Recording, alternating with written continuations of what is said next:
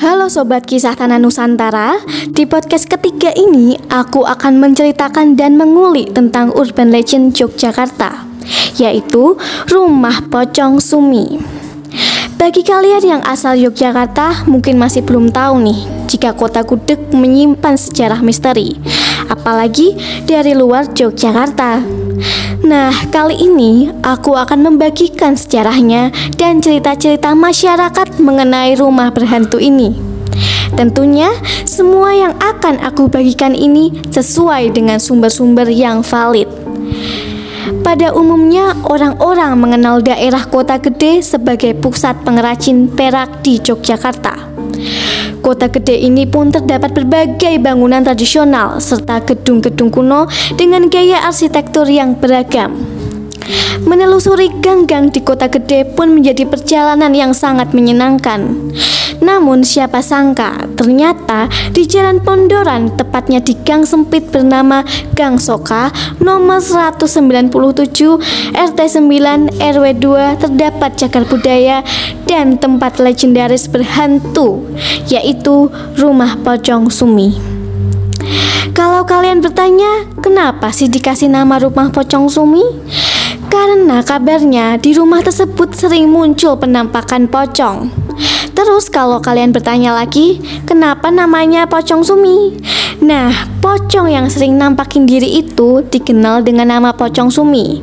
Dia itu perempuan, hobinya ketawa-ketawa nyaring kayak Mbak Kunti. Ya, Mbak Kunti, you know what I mean lah guys. Terus, pocong sumi ini sering nongkrong di teras depan rumah karena itu tempat favoritnya. Apalagi pas jam 10 malam saat kondisi jalan lagi sepi dan gelapnya. Beh, konon itu nampakin diri terus guys.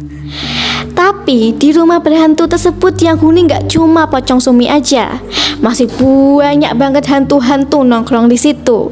Jadi yang nggak heran kalau rumah tersebut jadi cagar budaya dan dinobatkan sebagai salah satu rumah angker di Yogyakarta.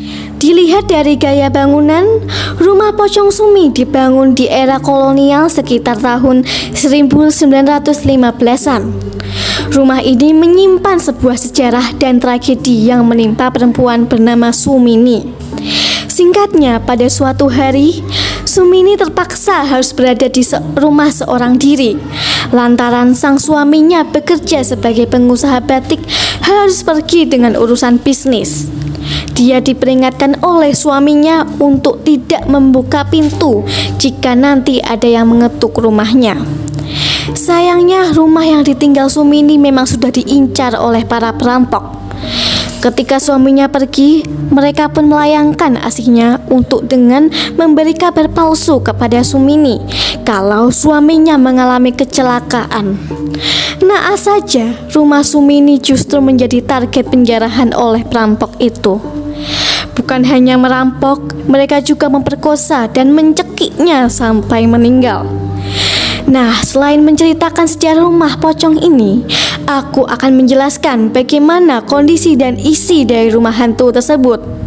Kalian penasaran kan, apa saja sih kondisi dan isi dari rumah hantu tersebut? Oke, sebelum aku menjelaskan kondisi rumah pocong Sumi, mari kita simak iklan sebentar saja. Eh, Mbak Ayu lapar. Mau makan apa, Nak? Um, mau bakso, mah. Bakso? Oh, bakso. Bakso Pak Sol mau? Bakso pacul? Mau, mah. Loh, pacul? Bukan pacul, tapi Pak Sol sayang. Loh, kan emang pacul, mah. Coba ikutin Mama. Pak, Pak, Sul. sul. Nah, pinter. Ulangi lagi. Bakso Pak Sul. Bakso pacul. Hehe. Alah dalah, angel temen to Yundo. Bakso Pak Sul Mandri Jeron Harganya fantastis murah bakso 12.000, mie ayam 8.000, bakmi 8.000. Juga tersedia nasi pecel, soto babat, capcay, magelangan, kopi panas, soda gembira, dan lain-lain. Buka dari jam 11 pagi sampai jam 10 malam. Alamat Jalan Bantul nomor 46 Mantri Jeron depan Gereja Pugeran Yogyakarta. Soto Pak Sul juga menerima pesanan partai besar dan partai kecil. Handphone 085878117117. Bakso Pak Sul. Hmm, bacone enak dan empuk banget. Nah, mari kita lanjutkan guys. Jadi, biasanya rumah tua yang gak berpenghuni dan gak terawat memiliki kondisi yang sangat kotor, bukan? Namun hal ini berbeda dengan rumah pocong sumi. Rumah dengan gaya arsitektur Belanda ini memiliki pagar rumah yang berwarna hijau kuning membentang tinggi. Dinding-dinding luarnya berwarna putih dengan batu-batuan hitam yang sangat bersih. Beberapa tanaman menghiasi rumah menimbulkan rumah ini terlihat asri dan bersih. Kondisi halaman rumah depan lumayan bersih. Namun, jika dilihat dari halaman belakang, kondisinya bertolak belakang dengan halaman depan. Terdapat semak belukar dan rumput-rumput liar yang tumbuh dengan subur. Halaman belakang rumah pocong diapit oleh dua gang. Kedua gang ini menggabungkan halaman belakang dan halaman depan. Di halaman belakang terdapat sisa-sisa bangunan seperti kamar mandi dan dapur. Karena memang bahwa zaman dulu umumnya kamar mandi dan dapur terpisah dengan bangunan utama. Kemudian, mari kita ke dalam rumah pocong sumi tersebut. Di dalam rumah, hawanya memang agak pengap dan sumpek. Sebelum memasuki rumah pocong, juru kunci memang mewanti-wanti terlebih dahulu bahwa di dalam rumah memang sepi. Namun, sebenarnya ramai seperti jalan Malioboro. Hal ini dapat dirasakan dan dilihat oleh seseorang yang memiliki indera keenam atau biasa disebut indigo. Di dalamnya tidak ada perabotan-perabotan antik. Kosong, hanya ada tumpukan kayu dan gulungan spanduk. Rumah pocong pun bisa dibilang lumayan kecil. Di sejumlah dindingnya terdapat alur-alur tambalan semen seperti tambalan baru.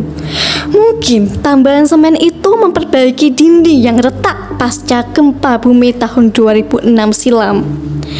Langit-langit rumah pocong pun cukup tinggi. Namun, langit-langit tersebut dibiarkan terbuka tanpa plafon. Mungkin karena plafon tersebut sudah keropos atau mungkin rumah ini sengaja dibangun tanpa adanya plafon. Rumah pocong memiliki tiga kamar, bisa dibilang kamar depan, kamar barat, dan kamar timur. Letak kamar barat dan kamar timur berseberangan, sedangkan kamar depan terletak di teras depan dekat meteran listrik PLN. Isi ruangan kamar barat dan timur kosong tanpa perabot.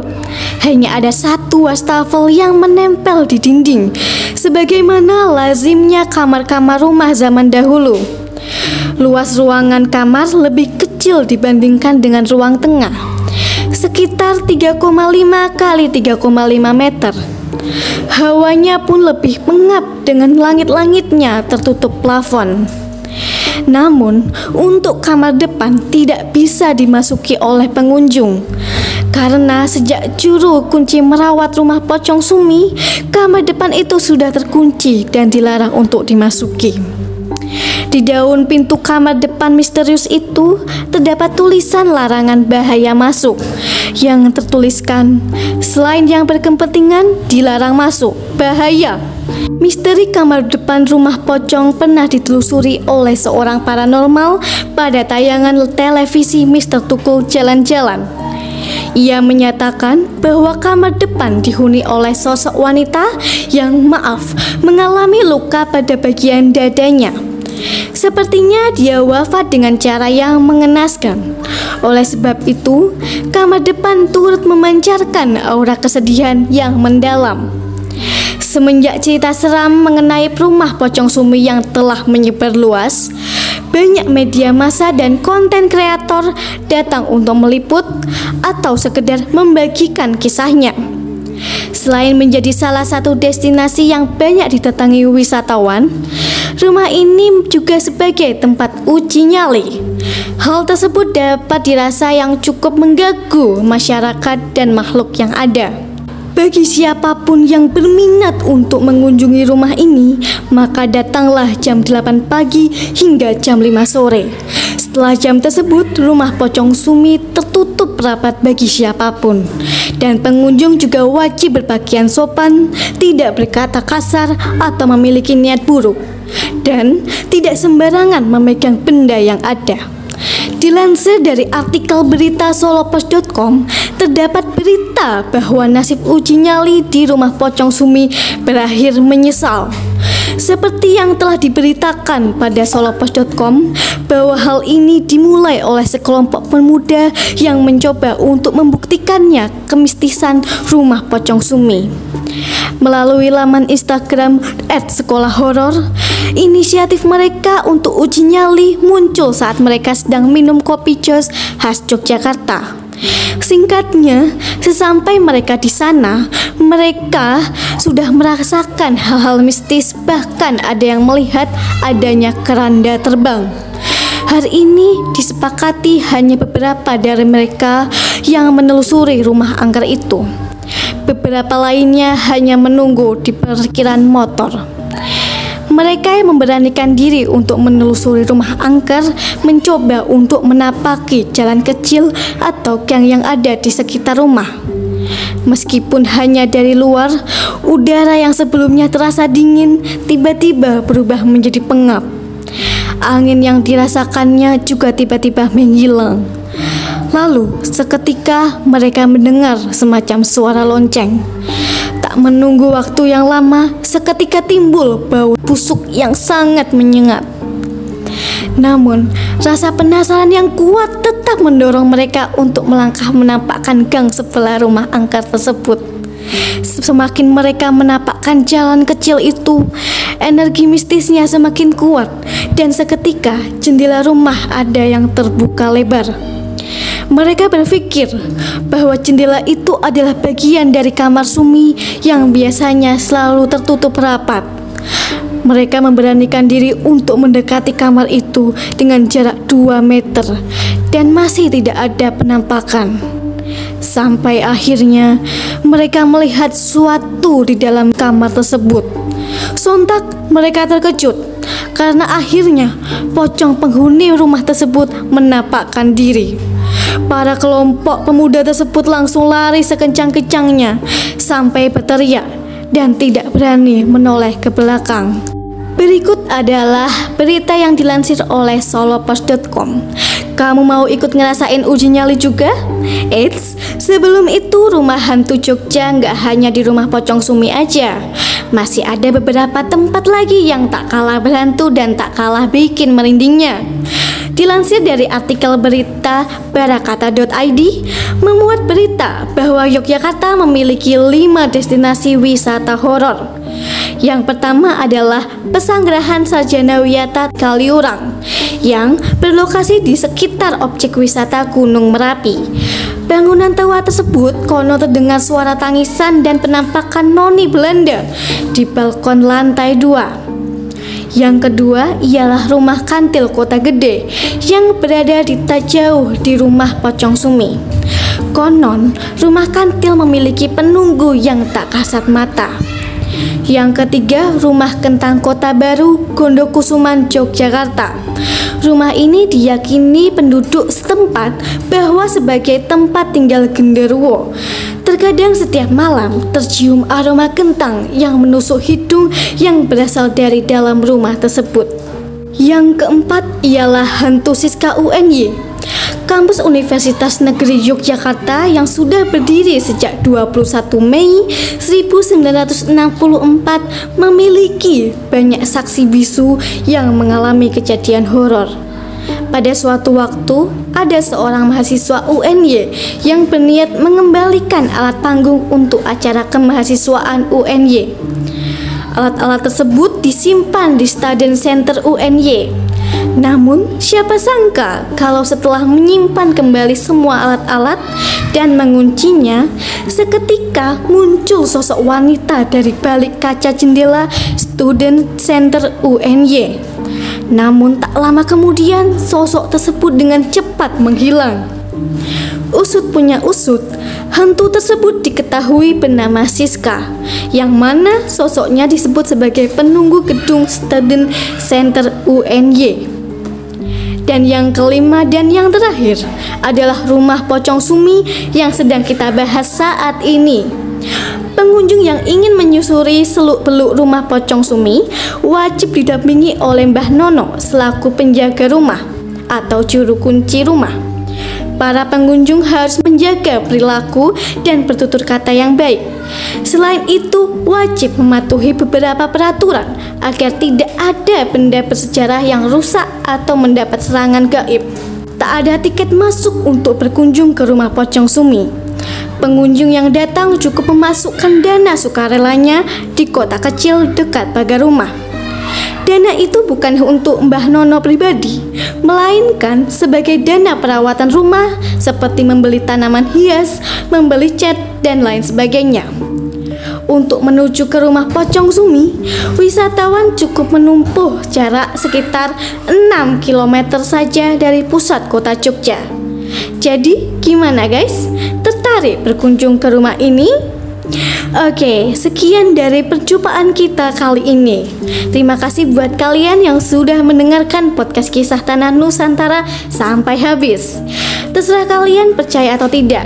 Namun sebenarnya di dunia ini kita memang selalu berdampingan dengan mereka yang tak kasat mata. Tetap berdoa dan beretika baik kapan pun dan di mana pun kalian berada. Karena dari awal kita telah membahas cerita yang cukup menyeramkan dan menegangkan, sebagai penutup podcast ini aku akan memutar lagu berjudul Yogyakarta yang diciptakan oleh KLA Project yang tentu saja akan menenangkan hati kalian semuanya. So bye bye guys, terima kasih dan sampai jumpa di podcast selanjutnya. Bye.